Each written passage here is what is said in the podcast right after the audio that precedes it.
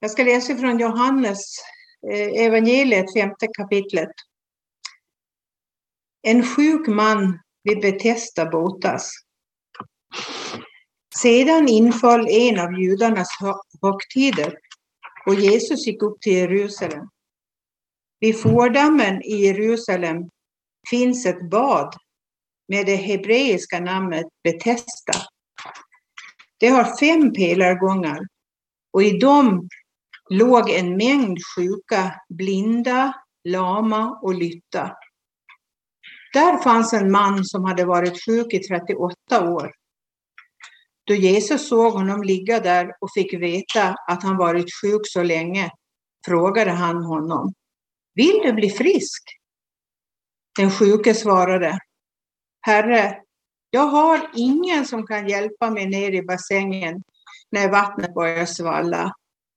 Medan jag försöker ta mig dit hinner någon annan ner före mig. Jesus sa till honom, stig upp, ta din bädd och gå. Genast blev mannen frisk och tog sin bädd och gick. Igår så låg jag i sängen och drog mig lite när det plötsligt började skvätta på min arm. Och jag sträckte trött eh, ut handen mot eh, fönsterbrädet och hoppades på inbildning, men eh, nej då, det var vått. Det hade börjat regna in i vårt sovrum. Jag och Tobias gick ut i blåsten och regnet, som vi redan känt, för att komma åt fönsterfodret ovanför fönstret. Medan Tobbe grejade där uppe stod han nere och höll i stegen för att det var ju halt eh, och lerigt. Den där känslan av hopplöshet började sprida sig. Nej, inte en grej till. Dessutom är ju allt så grått och brunt. Och sen så ser jag plötsligt vid mina fötter snödroppar Finns det något tydligare tecken på att livet börjar återvända mot, som det kan verka, alla odds? Naturligt förstås att eh, snödropparna kommer år efter år. Men ändå. Ett litet tecken för hopp. Att det går mot ljusare tider. Vad betyder hopp för dig?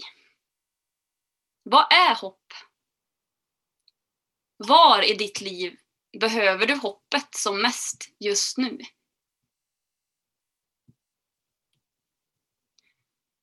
Dagens text hämtar vi i början av Johannes evangeliet. Nyligen så har Jesus mött eh, kvinnan vid brunnen i Samarien, som vi har hört Jonas och Sara predika om. Sen har han helat en mans tjänare i Galileen och nu har han gått upp till Jerusalem. Vi är precis i början av kapitlen som ibland går under rubriken Jesus och högtiderna.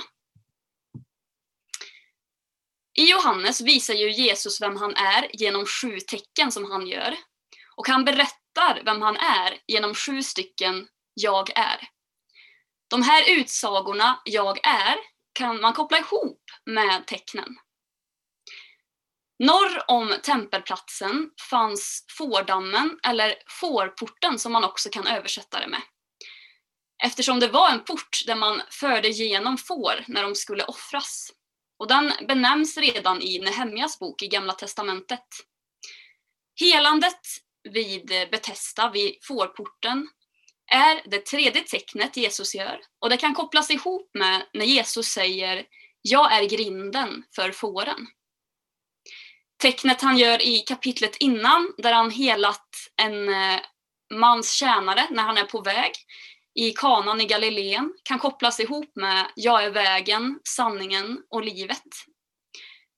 Matundret som han gör i kapitlet efter när han mättar 5000 män berättar, bekräftar att jag är livets bröd. Och det som Jesus gör vid Betesda leder direkt till ett försvarstal och konfrontation eh, med judarna eftersom det var sabbat. Och jag tänker att det är viktigt att ibland påminna oss om varför Johannes använde ordet judarna som Jesus ständiga motståndare. För oss så kan det ju kännas eh, olustigt. Och det fanns ju många religiösa rörelser vid den här tiden. Och den som Johannes motsätter sig var en inflytelserik grupp som påvisade en väldigt lagisk eh, synagogsjudendom och som var mycket kritiska till Jesu efterföljare. Johannes skriver dessutom i en väldigt svår tid där de kristna hade börjat bli förföljda och utsatta för gladiatorspel med mera. Så det är alltså den här specifika gruppen som han vänder sig mot och kallar judarna. Inte det judiska folket i stort. Eh, och det vet ni ju eh, säkert att det är så. Men ibland så är det bra att vi påminner oss om det. För ibland så har ju Johannes texter använts eh, i historien som en grund för antisemitism.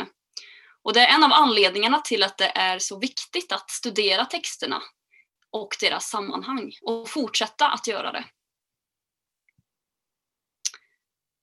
Idag är ju temat Jesus är vårt hopp. Och någon som verkligen får uppleva det är ju mannen som ligger vid dammen. Mannen som troligtvis led av både smärta från sjukdom och ett utanförskap i samhället. Och djup ensamhet, eftersom han säger att ingen kunde hjälpa honom till vattnet. Och man kan se den här bilden, den här grymma bilden framför sig när desperata, sjuka människor skyndar sig fram allt de kan och armbågar sig fram för att få plats och hinna först ner till bassängen när vattnet svallade. Tron på vattnets helande och renande krafter visar på den folktro som var vanlig i antiken. Men Gud skulle aldrig ställa lidande människor mot varandra i en sån grym tävling. Sån är inte Gud. Och det kommer snart Jesus visa när han gör sitt tredje tecken. Vi kan förvånas över hur Jesus bemöter mannen som ligger där och berättat, berättar att han har varit sjuk länge. Tänk att ha varit sjuk i 38 år och så frågar någon Vill du bli frisk? Man kan tänka, vilken dum fråga. Är det inte uppenbart? Men notera att mannen inte svarar ja på Jesu fråga. Varför gör han inte det? Kanske blir han ställd och förvånad. Kanske tvekar han, är han på väg att bli lurad igen? Kanske är han rädd. Det blir för läskigt att våga hoppas på ett annat liv. Och hur skulle ett sånt liv bli? Mannen hade ju varit sjuk och utstött så länge. Det var ju hans identitet. Oro, osäkerhet för framtiden. Det här livet var ju i alla fall tryggt och välbekant. Trots att mannen inte svarar ja, så helar Jesus honom. Inte för att Jesus inte bryr sig om eller respekterar mannens svar, men han känner honom helt igenom. Jesus vet vad mannen vill och längtar efter innerst inne. Och han vet att det kan vara svårt för oss människor att säga ja till det vi verkligen vill. Mannen svarade med allt det som aldrig funkat förut. De som aldrig hjälpt honom, de som hinner före. Och jag kan känna igen mig i mannen. Det är inte alltid eh, lätt eller kul med förändringar, även fast de är till det bättre. Och jag vågar inte alltid lita på att det finns något bättre för mig. Att det finns alternativ till min situation. Att Jesus vill mitt bästa. Det är lätt att fastna i det negativa. Varför skulle det bli annorlunda den här gången? Och vi får uttrycka allt det där till Jesus. Bitterhet, rädsla, besvikelse och ilska över att saker och ting är som de är. Han tål det och han vill veta hur vi har det. Men han vill och kan också vända vår situation. Han vill komma med frid och liv om vi söker honom och låter honom. Vad sätter du ditt hopp till? Vad hoppas du på? Det finns ju de som inte gillar ordet hopp. Hoppas inte för mycket. Det är säkert för bra för att vara sant. Många förknippar det med besvikelser. Man hoppades som barn på eh, en kanin som man aldrig fick. Man hoppas gång på gång att den där trisslotten man köper kan ge ett annat liv. Man hoppas att den där personen ska höra av sig, men det händer inte. Och jag tänker att det kan vara ganska sårbart med vårt mänskliga hopp. Det avslöjar så mycket om oss själva, vad vi längtar efter och vad vi är osäkra på. Och det vi hoppas på är ju naturligt associerat med förväntningar. Och det är bra, vi människor behöver hopp. Det driver oss ju framåt. Som ni vet, hoppet är det sista som överger människan. Både i stort och smått. Som bra väder i sommar, nytt jobb, lättade restriktioner, trygghet för nära och kära och så vidare. Men hoppet Jesus och hoppet Jesus ger är ett annat slags hopp. Ett fast hopp, som ett ankare. Eftersom att han i historien har visat med ord, tecken och handling vem han är. Att han är att lita på. Då som nu. Och vi kan känna oss hopplösa.